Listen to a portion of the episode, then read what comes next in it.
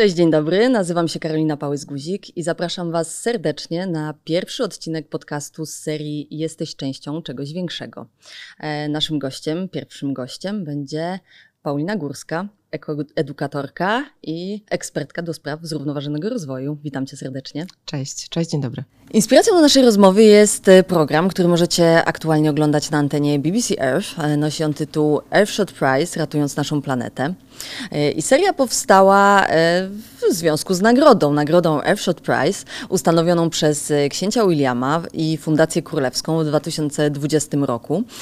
Jej celem jest zaadresowanie pięciu najważniejszych kwestii, które mogą a właściwie muszą, nie mamy innego wyjścia, e, pomóc nam uratować naszą planetę. Zanim o nich porozmawiamy, zanim porozmawiamy o tych krokach, ja bym chciała zapytać Ciebie, czy Ty, nawiązując do, e, do, mhm. do tytułu naszego spotkania, naszego podcastu, czy Ty czujesz się częścią czegoś, czegoś większego i mówiąc coś większego, mam na myśli e, nasz, nasz ziemski ekosystem, bo wydaje mi się, że przez długi czas my żyliśmy w takiej świadomości, mm. że jesteśmy sami dla siebie, samowystarczalni, że, że no nawet ja jako jednostka mam dostęp do tak wielu zasobów, tak wielu rzeczy, mogę tak wiele rzeczy zmarnować, że właściwie, a co mi tam, co się dzieje po drugiej stronie półkuli? A, a czy teraz to podejście mm. się zmienia jakoś, Twoim zdaniem? Ja mam, ja mam bardzo mocne w sobie poczucie, że jesteśmy częścią czegoś większego, że jesteśmy częścią ekosystemu. I myślę, że w, w tym dokumencie w, jest to świetnie pokazane, że nie jesteśmy sami na tym świecie i nie, nie dominujemy nad, nie wiem, naturą czy przyrodą, chociaż czasem mamy takie poczucie, że mm. to wszystko, to, nie wiem, natura czy przyroda, e, w którą wchodzimy, powinna się do nas dostosować. Myślę, że jest to bardzo takie błędne, mylne, e, mylne pojęcie, szczególności że mamy dzisiaj do czynienia z kryzysem klimatu. O tym też pewnie będziemy dużo rozmawiać, e, ale tak ja się czuję częścią czegoś większego i to też nie było takie poczucie, które ja miałam ze sobą od zawsze. Mm ale w momencie, kiedy zaczęłam się sama edukować i, e, i uświad uświadomiłam sobie, z jak wielkimi wyzwaniami e, mamy do czynienia e, i właśnie, że jestem ja i moja rodzina częścią czegoś większego, to zaczęłam też aktywnie działać na rzecz, mhm. Na rzecz klimatu. No ale też to, to był jakiś proces. I myślę, że jest to niesamowicie ważne, żeby pokazywać ludziom, że są częścią właśnie całego ekosystemu i że każda decyzja, którą podejmują, e, ma znaczenie, e, bo jest, często tkwimy też w takim, w takim myśleniu, że to, co jednostka robi, nie ma żadnego mhm. znaczenia. Mm. Ja bym chciała tutaj w trakcie tej rozmowy udowodnić, że wcale tak nie jest. Ale tak, ja mam takie poczucie i mam, e, mam ogromną nadzieję na to, że, e, że to poczucie i ta, to poczucie świadomości e, będzie nie wiem, coraz bardziej popularne w polskim społeczeństwie mm -hmm. i też w sumie tym się zajmuję na co dzień mm -hmm. w ramach swojej działalności. Mm -hmm. Jasne. No, to wykształcenie w sobie takiego poczucia to jest jakiś, e, jakiś jeden z pierwszych kroków, które, które możemy podjąć, tylko pytanie, mhm. czy to jest łatwy krok w obliczu tego, że no jesteśmy w kryzysie, że no nawet tytuł, tytuł tej serii, czyli Airshot Prize, ratując naszą planetę, no bije w jakiś dzwonek, prawda? To jest, to jest jakieś takie e, alarmistyczne stwierdzenie, że tą planetę musimy ratować. Czy ciebie ten, ten stan e, tego, tego alarmu bardziej przeraża, e, czy, czy raczej w drugą stronę, czy raczej napędza do, do działania? Czy czujesz mhm. się bardziej bezradna wobec tak wielkiego zagrożenia, czy jednak dopinguje cię to do, do jeszcze większych wysiłków i do, do podejmowania jakichś aktywnych działań? Ja bym powiedziała, że to jest taki miks jednak uczuć mhm. i że chyba ciężko być ciągle w, w takim stanie bycia zmotywowaną i optymistycznie nastawioną do przyszłości. I e, myślę, że moja konstrukcja oso osobowości jest taka, że jestem nastawiona na działanie, mhm. jestem nastawiona na robienie różnych rzeczy. Um, I jestem zmotywowana, ale y, nie ukrywam też, że Czasem się pojawiają bezsenne noce, mhm. w szczególności kiedy na przykład, y, pamiętam taki moment, to było w sierpniu 2021 roku, kiedy pojawił się kolejny raport IPCC, który mówi nam tak naprawdę bardzo dużo o stanie świata i klimatu. Kiedy to pierwszy raz e, zostało tak jasno powiedziane i naukowcy powiedzieli, że my, że temperatura, średnia temperatura podniesie się o półtora stopnia, mhm. praktycznie ze stuprocentowym prawdopodobieństwem i ta średnia temperatura w porównaniu do epoki przedprzemysłowej podniesie się najprawdopodobniej w przeciągu kolejnych 20 lat. Mhm. A wielce również prawdopodobne jest to, że E, temperatura może się podnieść nawet o, e, o 2 stopnie mhm. Celsjusza w przeciągu kolejnych 30 lat. Więc e, to był taki moment, kiedy było mi bardzo trudno mhm. i kiedy, kiedy poczułam taki w środku, kiedy poczułam w środku ukucie strachu, w szczególności, że mam małe dzieci. Mhm Mm. E, moja jedna córka, pierwsza córka ma 6 lat, Apolonia, druga ma niespełna 3 lata, Gaja. Mhm. E, I e, poczułam strach o ich przyszłość, bo kryzys klimatu dzieje się tu i teraz i jest mnóstwo różnych wydarzeń, sytuacji, ekstremalnych zjawisk pogodowych, z którymi już dzisiaj mamy do czynienia. One już dzisiaj dotykają, dotykają ludzi, ale E, niestety, jeśli nie zatrzymamy e, kryzysu klimatu, e, to w szczególności te zmiany będą doty dotykać naszych dzieci. No więc, więc powiedziałabym, że jestem mocno zmotywowana do działania, ale pewnie częściowo jestem też napędzana przez strach. Mhm. No, motywacja to motywacja, ważne, żeby, żeby dawała efekty. A powiedz mi czy jeszcze, czy ty miałaś taki moment, e, że namacalnie na własnej skórze poczułaś e, skutki tego, że, że klimat mhm. się zmienia, że właśnie nasza działalność jako ludzi prowadzi do czegoś, do czegoś niedobrego? Wiesz co, ja się tak e, na co dzień zajmuję się popularyzacją wiedzy, na temat klimatu i szeroko mhm. pojętej ekologii, więc um, można powiedzieć, że trochę jestem zanurzona w, w tym, co się dzieje w Polsce i na świecie i um, codziennie spędzam bardzo dużo czasu na y, czytaniu na ten temat, y, y, właśnie przekazywaniu informacji mhm. do mojej społeczności, opowiadaniu o tym, tłumaczeniu, wyjaśnianiu. Więc trochę jest tak, że ja z tym mam przez cały czas do czynienia. Mhm. Natomiast tak bez, bezpośrednio, to powiedziałabym, że mm, chyba najbardziej dotykają, dotykają mnie osobiście y, dwa tematy.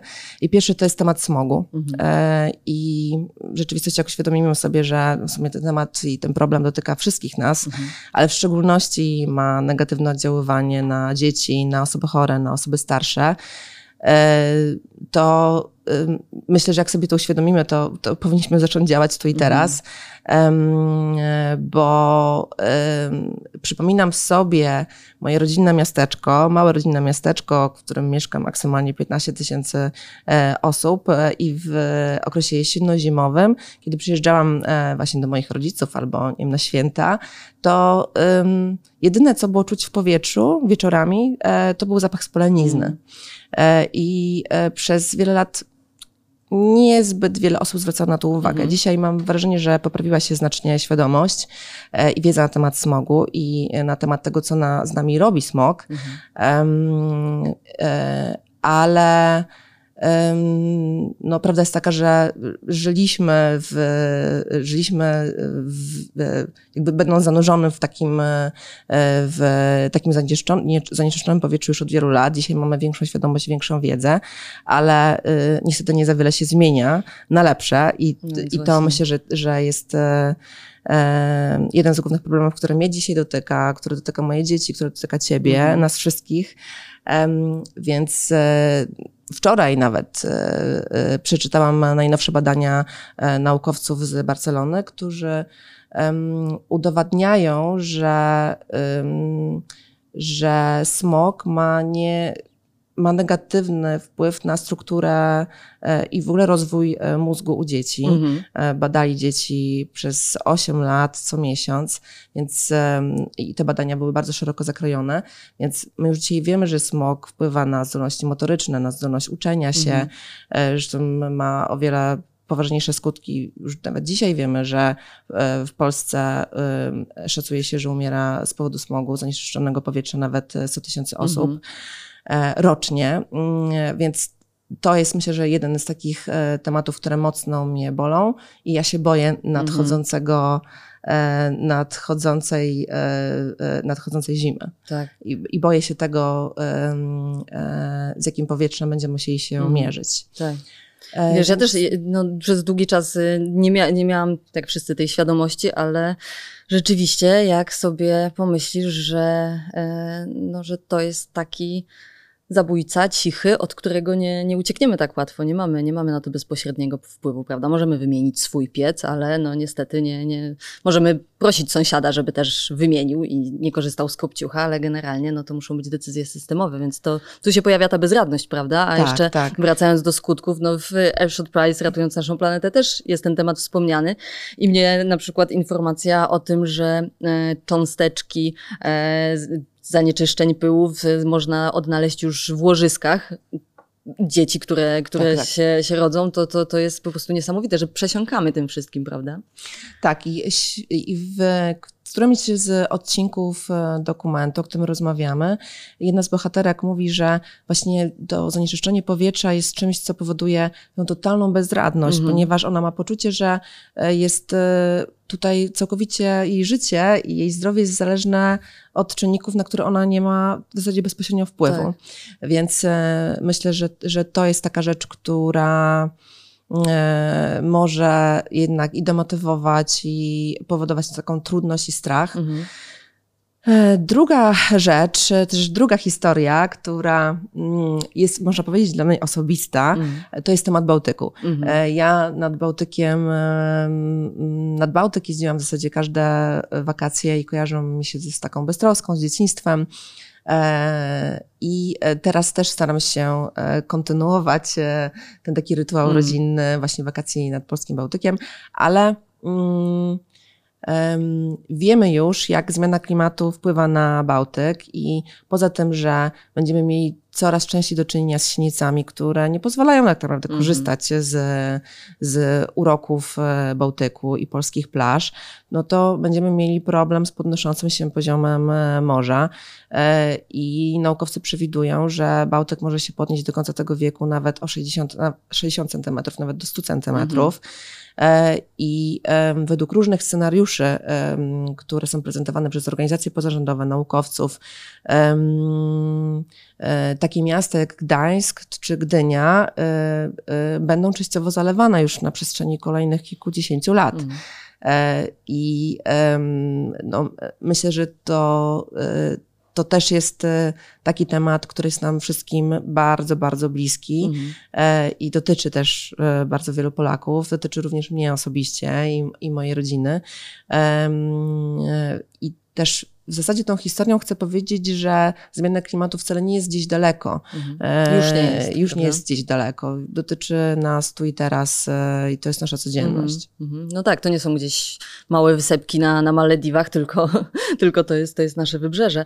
E, a czy masz takie poczucie, że jako, jako konsumentka, jako, jako osoba, która dokonuje codziennych mhm. wyborów, e, cokolwiek nie zrobisz, to ten wybór nie jest nie jest dobry, bo, no bo co tu ukrywać, no używamy plastiku, e, jemy mięso w większości, e, jeździmy samochodami.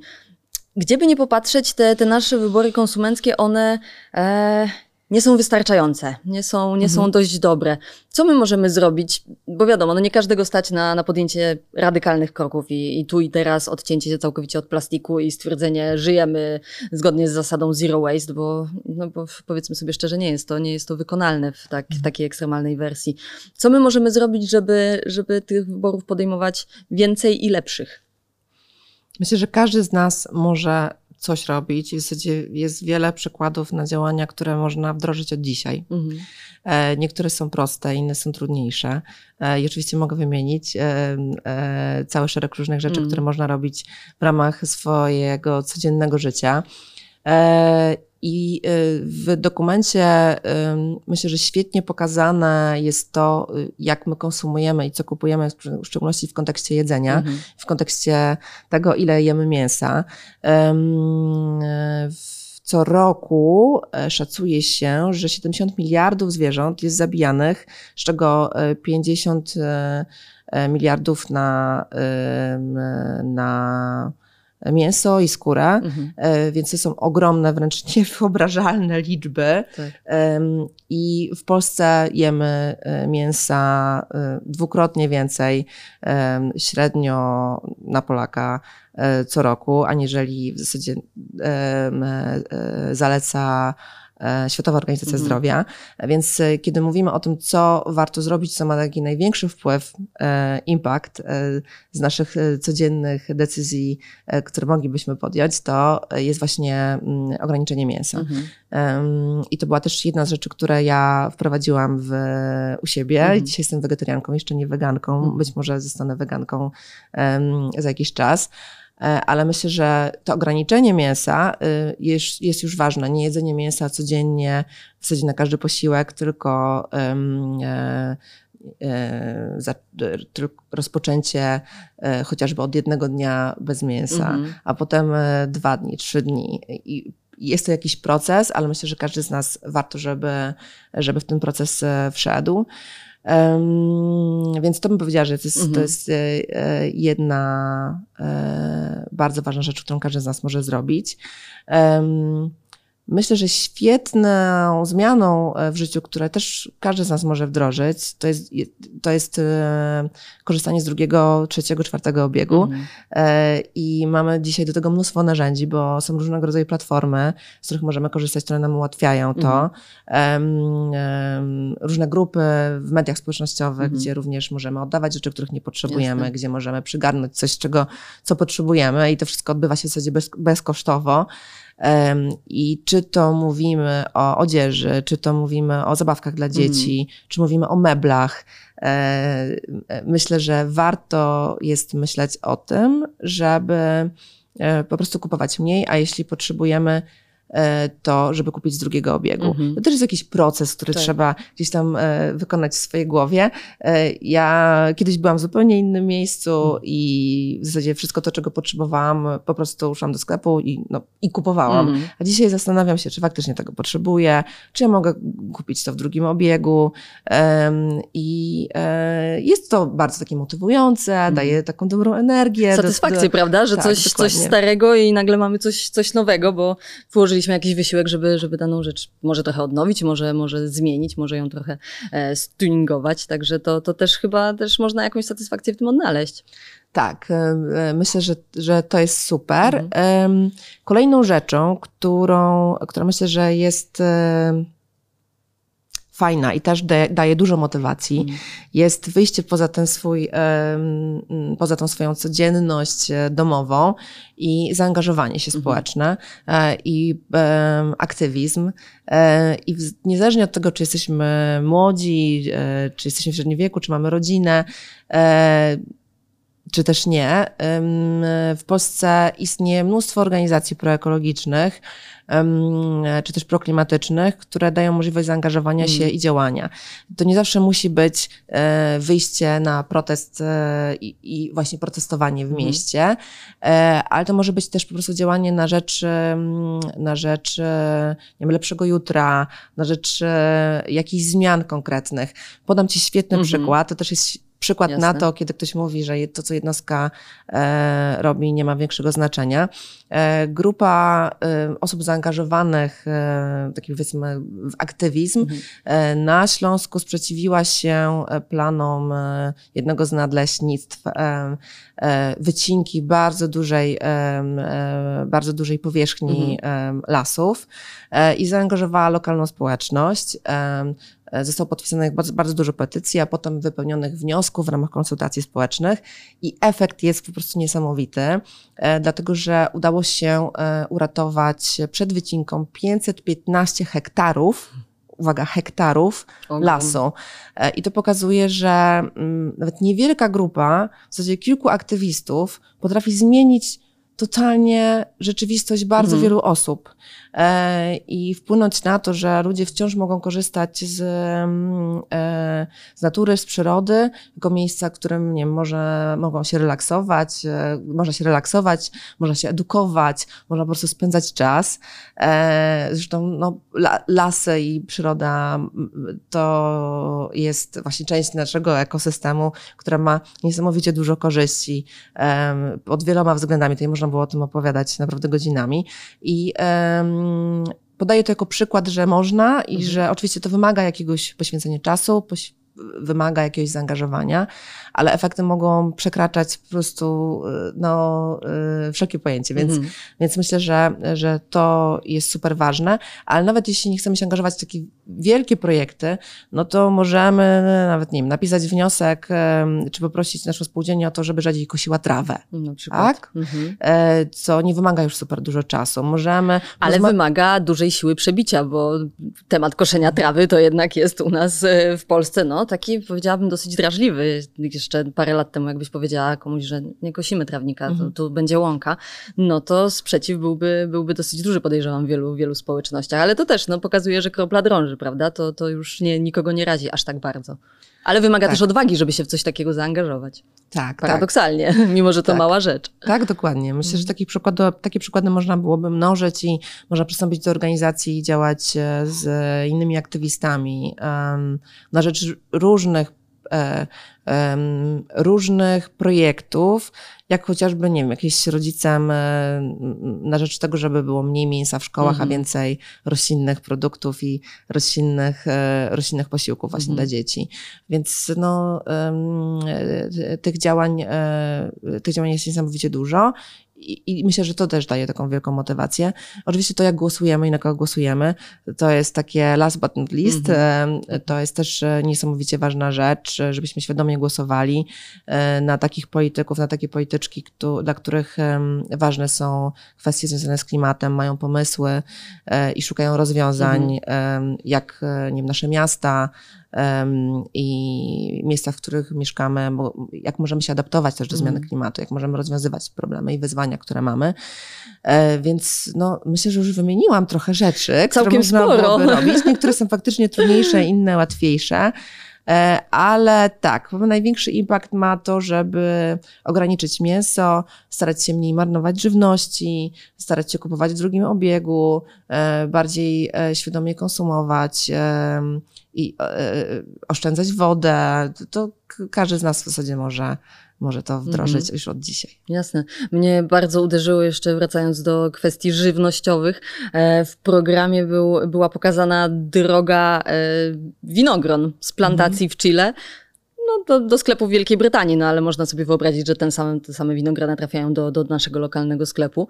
I jak, jak bardzo to jest niewiarygodne, że rzeczywiście one spędzają tyle czasu w podróży, miesiąc czasu płyną na tym wielkim kontenerowcu.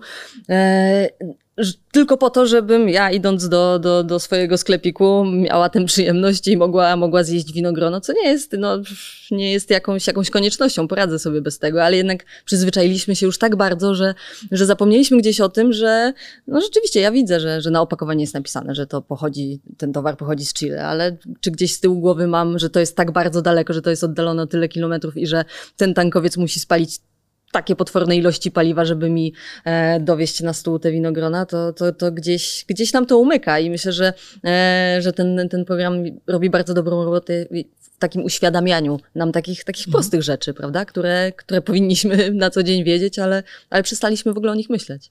Tak, pokazuje cały ten proces od e, pakowania po e, transport, często w wielkich kontenerach, mm. wielkimi statkami przez pół świata, żeby to trafiło do, do naszej do supermarketu, mm. gdzie często ostatecznie no, nie kupimy takiego produktu, ponieważ nie wiem, e, wydaje nam się, że E, jedno winogrono jest trochę brzydsze aniżeli mm. pozostałe, więc okay. odrzucamy już ten produkt, więc to, to w ogóle jest jeszcze inny temat. Mówimy o marnowaniu żywności. E, nie wiem, czy wiesz, ale w Hiszpanii mamy do czynienia z największymi szklarniami Europy, tak to się mhm. nazywa. One są widoczne nawet z kosmosu. Mhm. Naprawdę są ogromne. E, to jest, szacuje się, że to jest 26 tysięcy hektarów szklarni, w których hoduje się, uprawia E, warzywa i owoce, które trafiają do całej Europy. Szacuje się, że jedna trzecia żywności właśnie, która trafia do supermarketów, sklepów e, w całej Europie e, pochodzi właśnie stamtąd.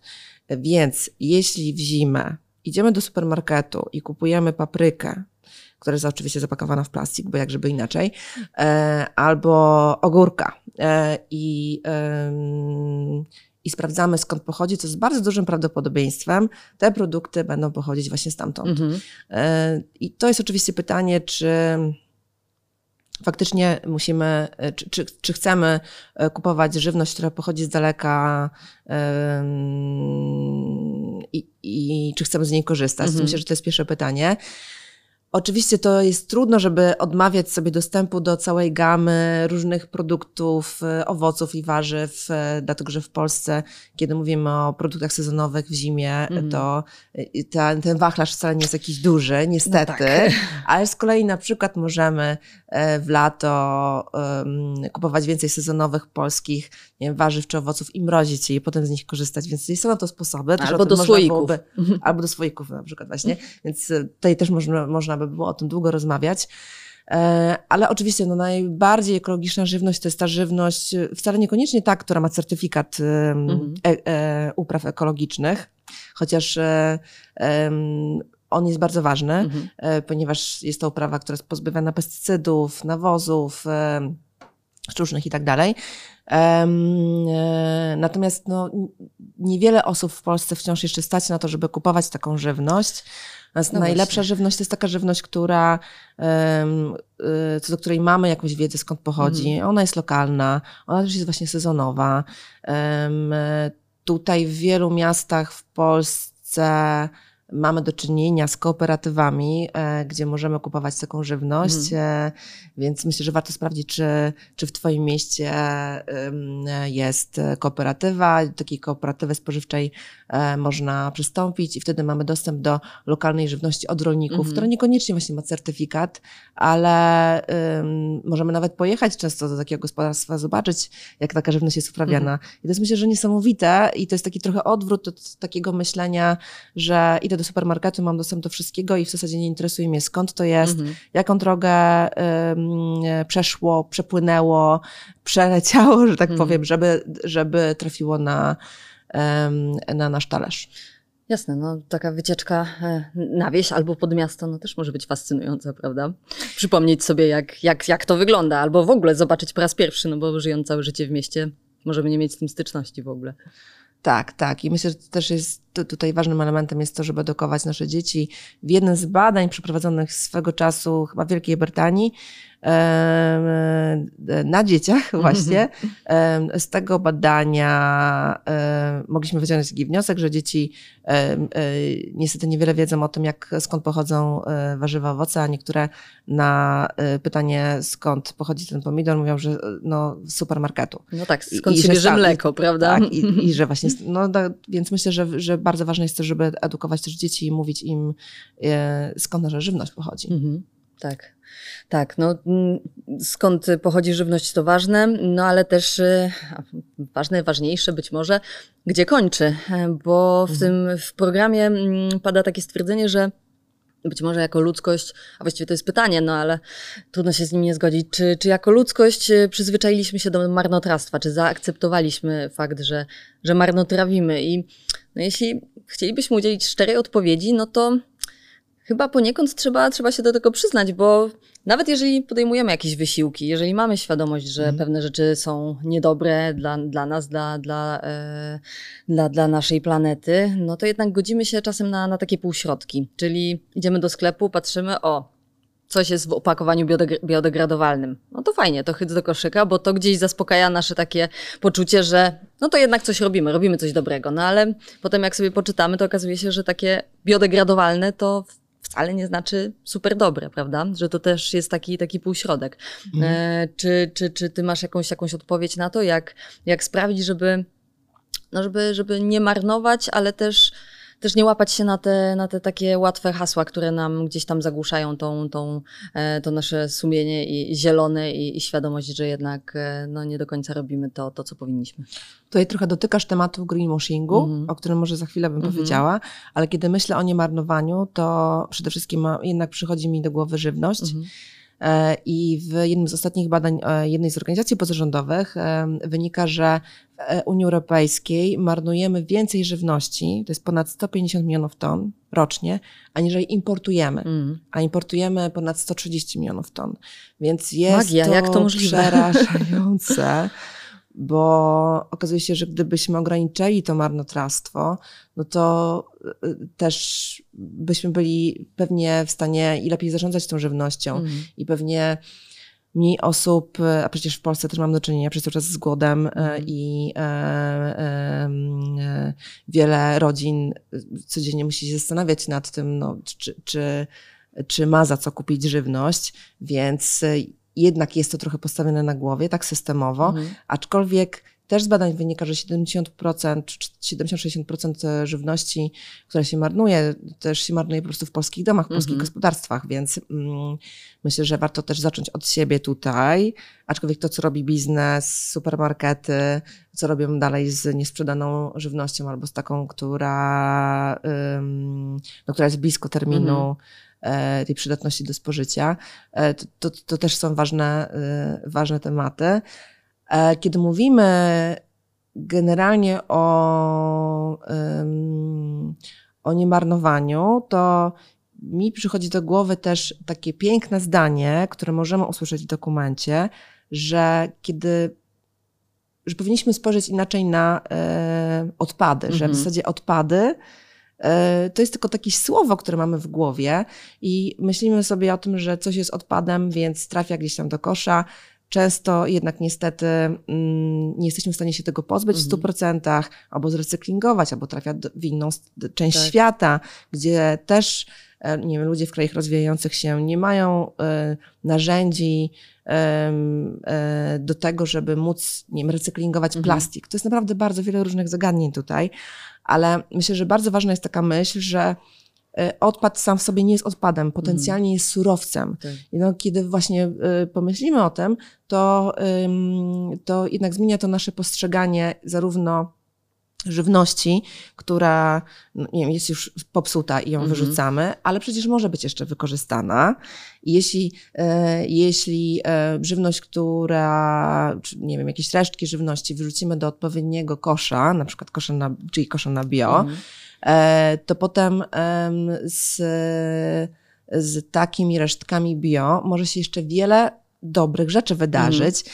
Ja niedawno byłam w, mm, e, w jednym z zakładów e, w Gliwicach, gdzie mogłam zaobserwować z bliska, jak z odpadów bio, które są odbierane od lokalnej mhm. społeczności, mm. czy to były tychy, przepraszam, mm tworzy się, czy też przetwarza się te odpady na nawóz, mhm. E, na taki żyzny kompost, e, który potem sprzedawany jest rolnikom w bardzo niskiej cenie E, gdzie rolnicy, korzystając z e, tegoż właśnie nawozu, mogą uprawiać, hodować właśnie warzywa, owoce.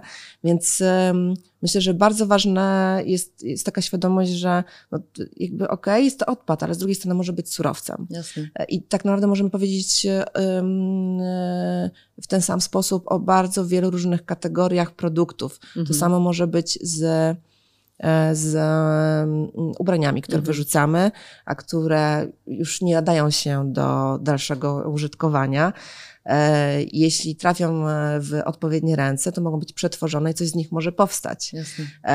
Tak samo może być, nie wiem, z naszymi starymi telefonami, które według badań po prostu chomikujemy w szufladach tak, i Polacy mają nawet tony. kilka telefonów mhm. starych w, właśnie gdzieś tam zachomikowanych, mhm. a jeśli trafią w odpowiednie ręce i my potraktujemy to jako elektrośmieć, który może mm, być dalej przetworzony, to dalej uda się odzyskać z takiego produktu e, bardzo wiele różnych elementów, mhm. E, które posłużą do wyprodukowania nowych produktów. Tak. I generalnie, gdybyśmy mieli to wszystko ubrać w jakieś jedno, e, jedno wyrażenie, no to jest jest, mówimy o idei gospodarki cyrkularnej, mm -hmm. gospodarce obiegu zamkniętego i ona jest zupełnie odwrotna do tego jednak, w czym dzisiaj w dużej mierze żyjemy.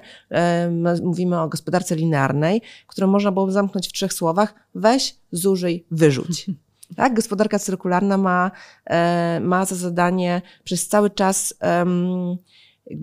w obiegu e, pożytkować i wykorzystywać e, różne surowce, produkty, e, coś, co właśnie nazywamy odpadem, jako potencjalny e, element do produkcji nowych, mm. nowych rzeczy i tak dalej. To jest właśnie świetna idea i w dokumencie również słyszymy że jeśli część europejskich największych przedsiębiorstw przeszłoby na gospodarkę cyrkularną, mhm. to byśmy byśmy byli w stanie zaoszczędzić 600 milionów, przepraszam, miliardów euro. Mhm. Więc to też jest e, rzecz, która nie tylko jest dobra, nie wiem, dla przyrody, bo wykorzystujemy mniej zasobów, ponieważ mhm. one ciągle krążą w tym tak. obiegu, ale też po prostu dla gospodarki, dla mhm. naszego rozwoju e, ekonomicznego. Tak, tak. No w Earthshot Prize, ratując naszą planetę, pada też takie stwierdzenie, że no my już właściwie naprodukowaliśmy się tego plastiku i to, to, co mamy, no to powinno nam wystarczyć. Tego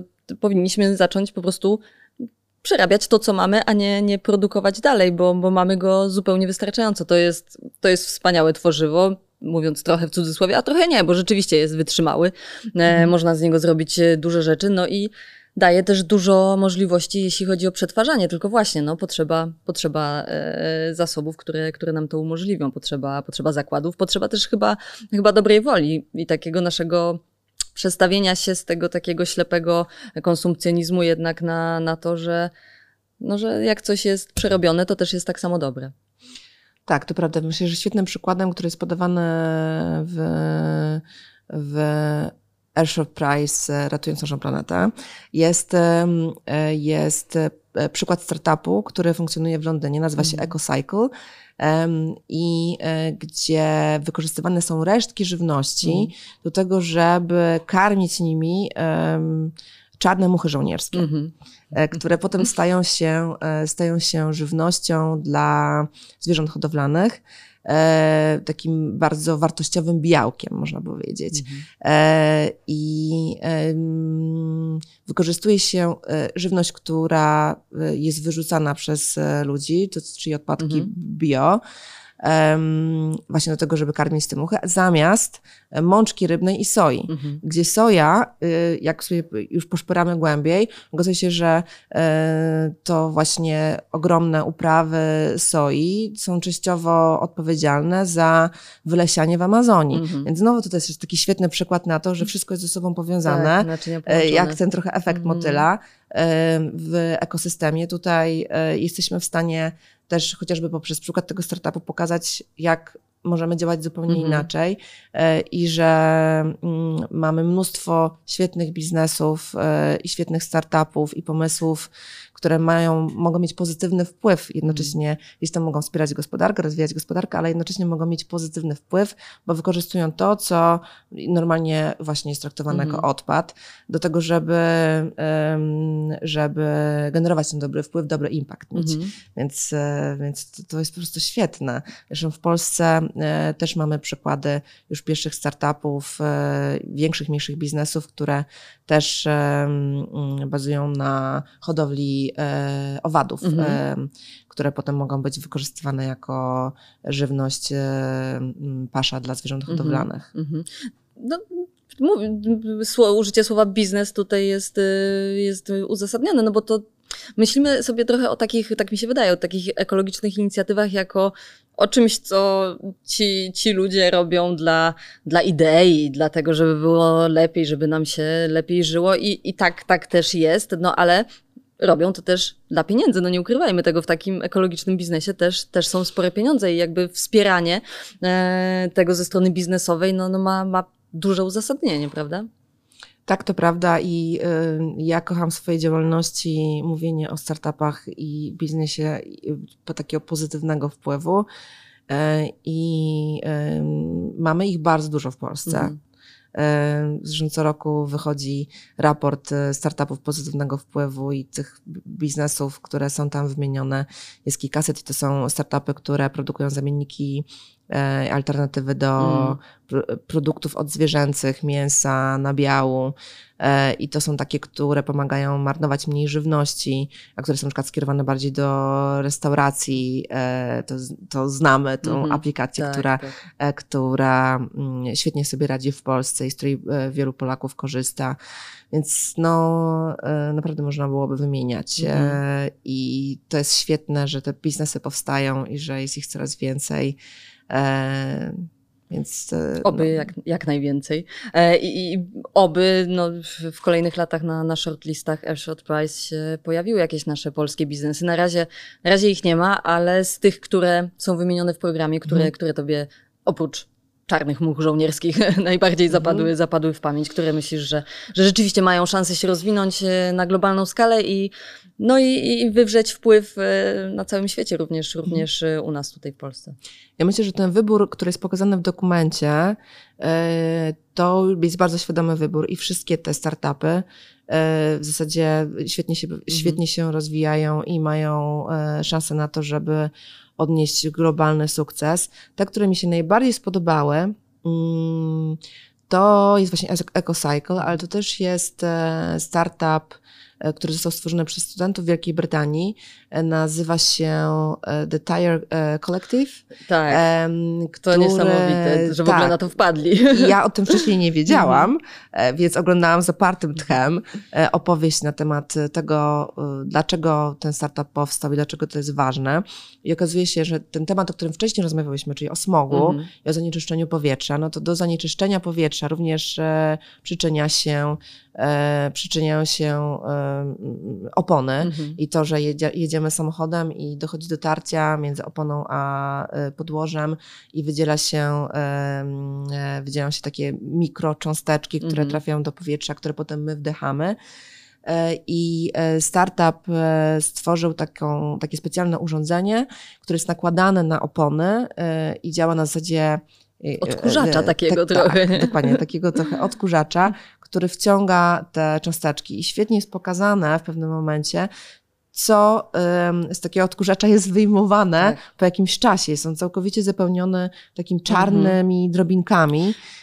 I no, z jednej strony mnie to przeraża, bo myślę mhm. sobie, że no, Y, po naszym nagraniu ja wyjdę na ulicę i po prostu będę wdychać to mm -hmm. powietrze, również z takimi drobinkami. Z drugiej strony sobie myślę, że świetnie, że taki startup e, powstaje i mam ogromną nadzieję na to, że e, takie urządzenie stanie się w pewnym momencie jakieś nie wiem, skalowalne i że że, um, e, że, że będzie standardem, ludzie, że, tak, że ludzie po prostu zaczną z, z, mhm. z, takiego urządzenia korzystać, mhm. albo że wręcz będą musieli z takiego urządzenia tak. korzystać. Tutaj mówimy o zmianach systemowych i o tym, że mm, to nie jest kwestia jakiejś e, dobrej woli, tego, że ja uważam, że to jest potrzebne, albo nie uważam, że to jest mhm. potrzebne, ale że jest jakaś zmiana systemowa, czyli ja muszę po prostu to urządzenie mieć, ponieważ y, taki jest wybóg, mm. wymóg ze strony, nie wiem, jakiejś instytucji e, czy państwa, mm. który jest nałożony na obywateli. Um, więc e, tutaj też myślę, że jak mówimy o tym, co jednostka może zrobić, no to bardzo ważne jest to, żebyśmy wciąż powtarzali o tym, co biznes powinien robić mm. i co mhm. powinno robić państwo na rzeczy zmiany, adaptacji i walki z kryzysem klimatu, żeby też jednostki nie miały poczucia, że jednak mają takie ogromne obciążenie przez cały czas na mhm. swoich barkach. Podoba mi się startup e, TerraCycle, który mm, o którym słyszałam już wiele lat temu, chyba jakieś 5 czy 6 lat temu, e, i który też działa w ramach gospodarki obiegu zamkniętego, ale zasłynął e, takim projektem, który stworzył z E, dużymi firmami, które produkują różne rzeczy, e, produkują żywność też i gdzie powiedzmy rodzina może zamówić taki zestaw produktów mhm. w wielorazowych opakowaniach, które potem po wykorzystaniu zawartości, a to mogą być, nie wiem, lody, to mhm. mogą być płatki owsiane, jakieś innego rodzaju, to może być, to mogą być nawet, to może być chemia do domu, mhm jakieś detergenty właśnie, czy kosmetyki. Po wykorzystaniu te wielorazowe opakowania oddajemy i one są znów wypełnione tymi produktami mm. i są do nas dostarczane. E, I to jest rozwiązanie, które z tego co wiem zaczęło funkcjonować w Stanach Zjednoczonych. E, I chyba się coraz bardziej popularyzuje. W Polsce e, jeszcze go nie mamy. Mamy za to jakieś mniejsze firmy, które wprowadzają swoje produkty na rynek w wielorazowych opakowaniach, które możemy potem to opakowanie odesłać mhm. E, do, z takiego producenta. Więc myślę, że to, to jest też świetny, świetny przykład.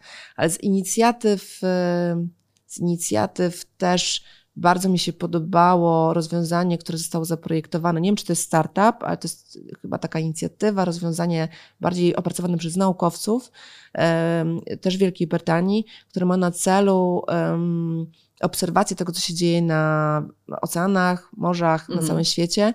E, i wyłapywanie e, tych wszystkich e, statków, które zajmują się połowem ryb i na podstawie różnych czynników, uwarunkowań zmiennych są w stanie z, jakąś tam, z jakimś dużym prawdopodobieństwem ocenić, czy ten, ta łódź w tym momencie dokonuje jakiegoś mhm. nielegalnego połowu. Mm -hmm co jest bardzo dużym problemem mhm. globalnie na świecie, bo no, poza tym, że mamy w ogóle bardzo duży problem z przeławianiem, no to jeszcze również z nielegalnymi połowami, więc myślę sobie, że E, że to jest e, świetna inicjatywa. Mhm. E, ale też na przykład to, w jaką stronę poszedł Singapur mhm. i e, mówi się o tym, e, że jest to taki biofilny design, e, czyli taki design i projektowanie miasta, bo to miasto było miastem, którym odczuwamy szczęście jako obywatele, mm. dlatego że jesteśmy blisko przyrody, blisko natury i faktycznie Singapur jest takim przykładem e, bardzo specyficznym, jest często podawany, podawany właśnie jako taki wzorzec, mm -hmm. dlatego że jest tam bardzo zielono, jest bardzo dużo terenów zielonych. Ale nie zawsze tak było, również. prawda? To, to też tak, ta transformacja dokładnie. zaszła no, ki kilkanaście już chyba lat temu. Singapur był taką, no, takim typowym, typowym miastem e, wysoko, wysoko rozwiniętym i, i wysokich wieżowców i, i, i wysokiej techniki i i dużej ilości betonu. No a teraz jest miastem, w którym wszędzie jest zieleń i też e, właśnie ten, te, te zasady, zgodnie z którymi e, są czy budowane domy, czy, czy, czy projektowane przestrzenie w ogóle wszędzie, mhm. E, jest, jest niesamowity. No, no da się prawie na każdym dachu zrobić ogród. No to, to, jest, to jest przykład, dlaczego u nas tak nie jest. Tak, to prawda, ale myślę, że coraz więcej e, mówi się o polskiej betonozie mhm. i to był temat bardzo gorący w to lato lato. E, I chyba dosłownie nawet, ponieważ e, e, mieliśmy do czynienia też z dużymi upałami. Mhm. Ale to też jest wynik zmiany klimatu i będziemy mieli do czynienia z jeszcze większymi upałami, więc w miastach tworzą się tak zwane miejskie wyspy ciepła, mm. a kiedy betonujemy przestrzeń, kiedy betonujemy nie wiem, rynki, które wcześniej w małych i większych miastach, które wcześniej miały za zadanie być takimi miejscami integracji społeczności e, lokalnej, no to y, działamy jakby zupełnie niezgodnie z mm. tym, mhm. co powinniśmy w rzeczywistości tak. robić, bo powinniśmy zazieleniać i jest coraz większa świadomość e, i myślę, że coraz też częściej, kiedy widzimy, że coś takiego się dzieje, jako społeczność lokalna, jako jednostki, pokazujemy palcem, to nie jest dobry kierunek, mm -hmm. my się mhm. na to nie zgadzamy, e, czy też poprzez petycje, wnioski, naszą aktywność w mediach społecznościowych mm -hmm. i tak dalej. Więc myślę, że Singapur jest tutaj świetnym przykładem, takim wzorcem, e, pewnie trudno, trudnym do doścignięcia, ale i nasze polskie miasta się powoli zmieniają, mam poczucie na lepsze, e, dlatego że też nasza świadomość rośnie, mm, no, e, nas jako mieszkańców miast, więc e, e, mam nadzieję, że jednak będziemy szli w takim kierunku, gdzie będziemy zazieleniać miasta, a nie je betonować i, e, i, i, i, i, społeczność lokalna będzie wywoływać samorządy do tablicy, mówić, mm hej, to, to, to nie jest dobry kierunek. Um, więc e, no, i to wszystko po to, żeby nam się lepiej, lepiej żyło w miastach, bo w końcu to miasta są dla nas, a nie my dla nich. Dokładnie, no, wystarczy podążać za, za swoim takim instynktem, prawda? No, no jednak beton nie jest dla człowieka najlepszym, najlepszym środowiskiem do życia. E, a czy, czy, czy były w Earthshot Prize, ratując naszą planetę, takie E, startupy, czy też inicjatywy, które Twoim zdaniem są trochę zbyt, zbyt marzycielskie, takie, hmm. że rzeczywiście to jest super idea, ale może jeszcze nie mamy, nie mamy aż tylu możliwości, żeby, żeby ją wdrożyć. Hmm. Wiesz co, nic mi, w sumie to nic mi takiego nie przychodzi do głowy. To, to bardzo dobrze, no bo te, te, te, te idee no, dla, dla, dla tych, którzy jeszcze, jeszcze nie, nie oglądali żadnego z odcinków, one są one są niesamowite. No, te przykłady, które podałaś, to, to myślę, że już daje e, to poczucie, jak, e, jak, jak niesamowite rzeczy jako ludzkość możemy zrobić i, i, i to nie zawsze musi być niszczenie i, i marnotrawienie, tylko rzeczywiście potrafimy to naprawiać, tylko no, trzeba, trzeba w sobie znaleźć znaleźć chęci, żeby, żeby to zrobić. Tak, ja myślę, że też w tych programach, w tych, w tych odcinkach były pokazane przykłady, które, właśnie tak jak mówiłam wcześniej, one mają bardzo duży potencjał, one się też dzieją e, w, tak, w, w różnych postaciach, e, w innych częściach świata, więc tutaj zostały wybrane jakieś konkretne, konkretne przykłady, ale ja często miałam takie poczucie, że wow, mhm. właśnie chociażby ten kolektyw związany z, z mm, który stworzył ten odkurzacz mhm. do opon, e, ale z drugiej strony mam poczucie, że to jest wow, ale to jest, to jest bardzo potrzebne, mhm. więc jeśli mamy taką potrzebę i mamy odpowiedź na tę potrzebę, no to, to w zasadzie ani razu nie miałam takiego poczucia, że którykolwiek z pomysłów to był pomysł, który nie jest możliwy do realizacji. Wiem, że nawet kiedy nie mówimy o startupach, ale mówimy o inicjatywach naukowców, bo bardzo dużo mm. też w tych dokumentach jest e, pokazanych konkretnych przykładów ze strony naukowców, mhm. jakby, bo mówimy o biznesie, mówimy o startupach, ale bardzo ważne jest też to, co naukowcy robią e, i E, tutaj świetnym przykładem, e, który na przykład zrobił na mnie ogromne wrażenie, pozytywne, w sumie o tym wcześniej nie wiedziałam, był przykład z Yellowstone, gdzie mm, kilkanaście lat temu postanowiono o reintrodukcji populacji wilków, gdzie mhm. tych wilków nie było już tak. od kilkudziesięciu lat i najpierw wprowadzono ich wilków kilkanaście, a potem już po kilku latach było ich około 200 czy 300 i one, wprowadzenie wilków dokonało ogromnej zmiany w całym mm. ekosystemie, tak jakby ten ekosystem się odrodził. Mm. I y, y, właśnie dokument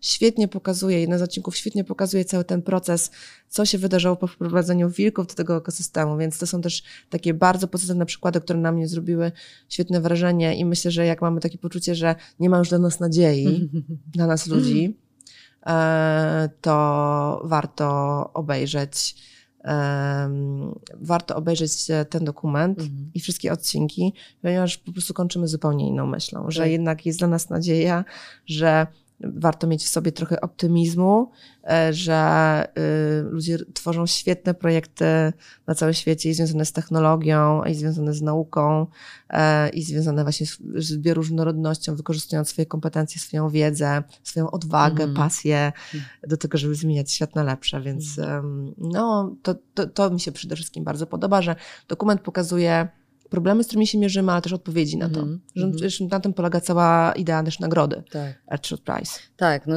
na początku jest lekkie przerażenie, bo każdy odcinek zaczyna się opisem sytuacji, mm. jaką, jaką mamy teraz, jaką, jaką zastaliśmy, e, ale ta, ta nadzieja, ta nadzieja jest na końcu i to, i to taka rzeczywiście bardzo mocna. E, a, a jaką ty masz nadzieję, że twoje e, działania wywrą jaki, jaki wpływ? Jak, jak mhm. widzi, postrzegasz swoją działalność i, i co, chciałabyś, co chciałabyś osiągnąć? Bo mhm. rozmawiamy o, o wpływie większych inicjatyw, mniejszych, a, a wydaje mi się, że, że Twoja działalność jest takim fajnym przykładem e, na to, co, co rzeczywiście można zrobić jako jednostka. Mhm. E, ja tutaj tak naprawdę w swojej codziennej działalności wykorzystuję kompetencje i to, co robię dobrze, myślę, e, bo wcześniej przez lata pracowałam jako dziennikarka, pracowałam jako redaktorka. Potem y, poszłam w zupełnie innym kierunku, a dzisiaj mm, staram się popularyzować wiedzę na temat klimatu i ekologii, ale staram się też to robić w taki sposób, który będzie przystępny będzie zrozumiały. E, staram się też czasem tłumaczyć język mm. naukowy, język naukowców na taki język, który jest łatwy do przyswojenia, a ponieważ jest łatwy do przyswojenia, to, to może dzięki temu powodować jakieś zmiany mm. e, i jakieś podejmowanie decyzji. E, I ja często dostaję od osób, które obserwują mnie w mediach społecznościowych e, takie wiadomości, że w wyniku tego, że piszesz o tym, albo mówisz o tym, albo pokazujesz to, nie wiem, ograniczyłam mięso, albo mhm. przystąpiłam do organizacji, albo zaczęłam działać, czy zaczęłam działać lokalnie i tak dalej. I myślę sobie, że tak, wtedy w każdym takim momencie, kiedy dostaję taką wiadomość, mam poczucie sensu mm. i, i, i, e, wpływu. Natomiast też e, nie ukrywam, że staram się wychodzić poza media społecznościowe, i działać offline, jak to się mm. mówi dzisiaj, offline, i wspierać organizacje mm, klimatyczne w tym, żeby mogły lepiej działać, szerzej działać. Też e, najbardziej ściśle współpracuję z rodzicami dla klimatu, e, które jest świetną organizacją e, dla rodziców.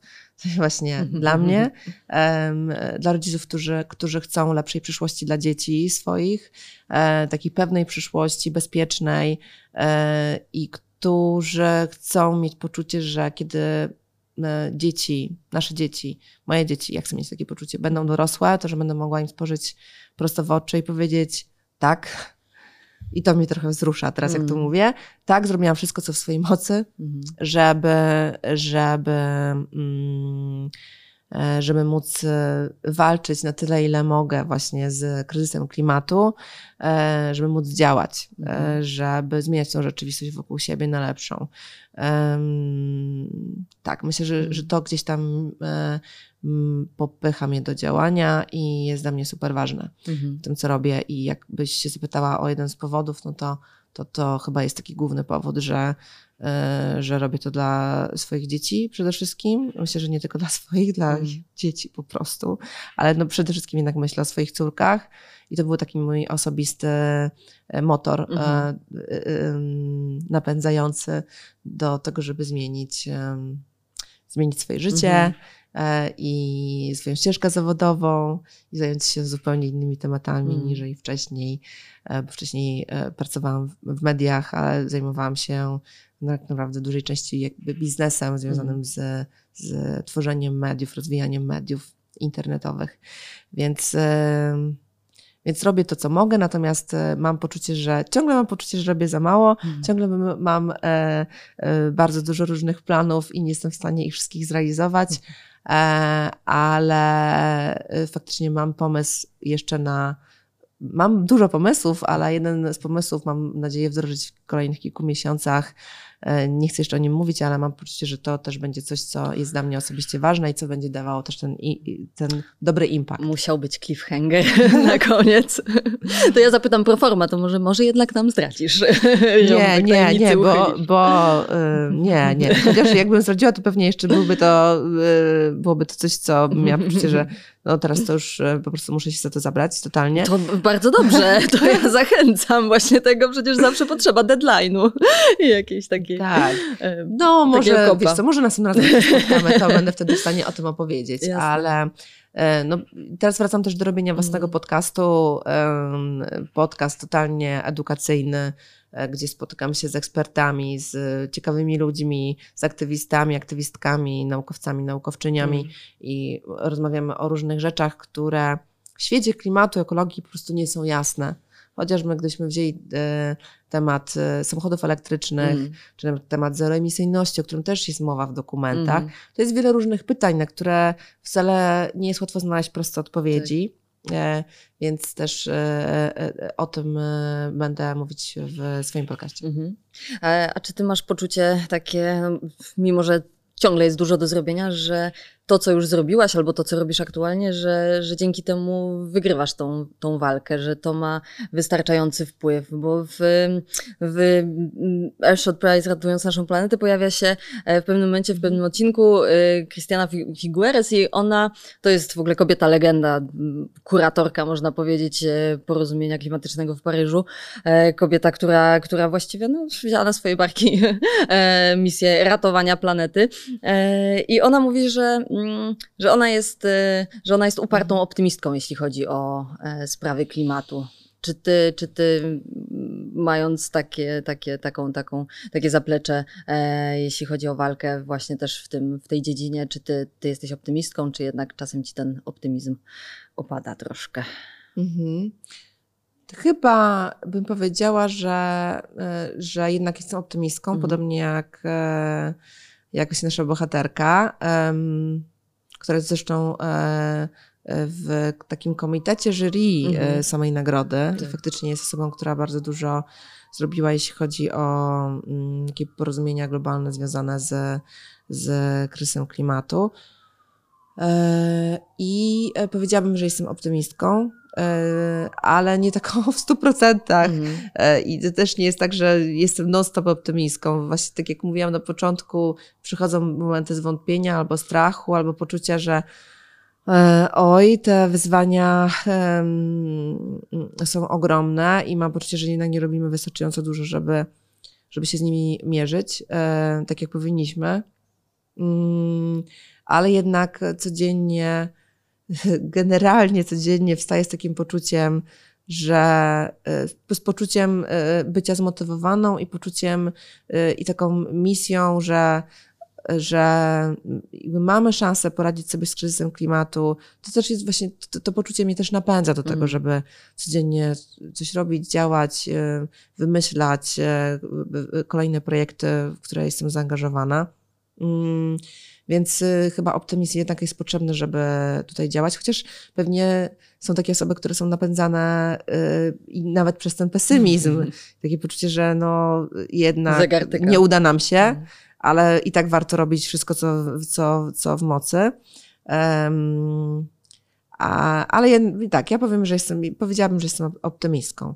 Natomiast właśnie to nie jest kwestia wiary, tylko kwestia faktów i, e, i naukowcy mówią, że naukowcy mówią jasno, w jakim momencie jesteśmy, co się wydarzy w ciągu 20-30 lat, Mhm.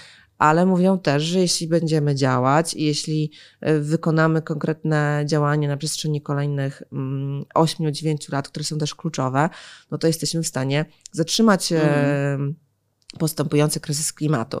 Więc jeśli się opieramy na faktach ze strony naukowców, które, które są prezentowane przez naukowców, no to myślę, że możemy mieć jednak sobie trochę tego optymizmu. Więc bym zakończyła, bym zakończyła e, tak, tą wypowiedź tym, że e, ten optymizm jednak opiera się na faktach, e, a nie tylko na, na takiej, takim wewnętrznym poczuciu i, i na, na, na mojej wierze w to, że się uda. Mhm. Super. Kończymy optymistycznym akcentem. To le lepszego nie można sobie wymarzyć na koniec. Bardzo Ci dziękuję za rozmowę e, i zachęcamy Was wszystkich do oglądania e, F-Shot Prize ratując naszą planetę na antenie BBC Earth. The natural world is in crisis because of us. Its delicately balanced systems are becoming more and more unstable. It's entirely within our gift to turn the situation around. a choking world's hope of revival, The Earthshot Prize is here to scale the best solutions to achieve this. breathing new life into our future. The Earthshot Prize, repairing our planet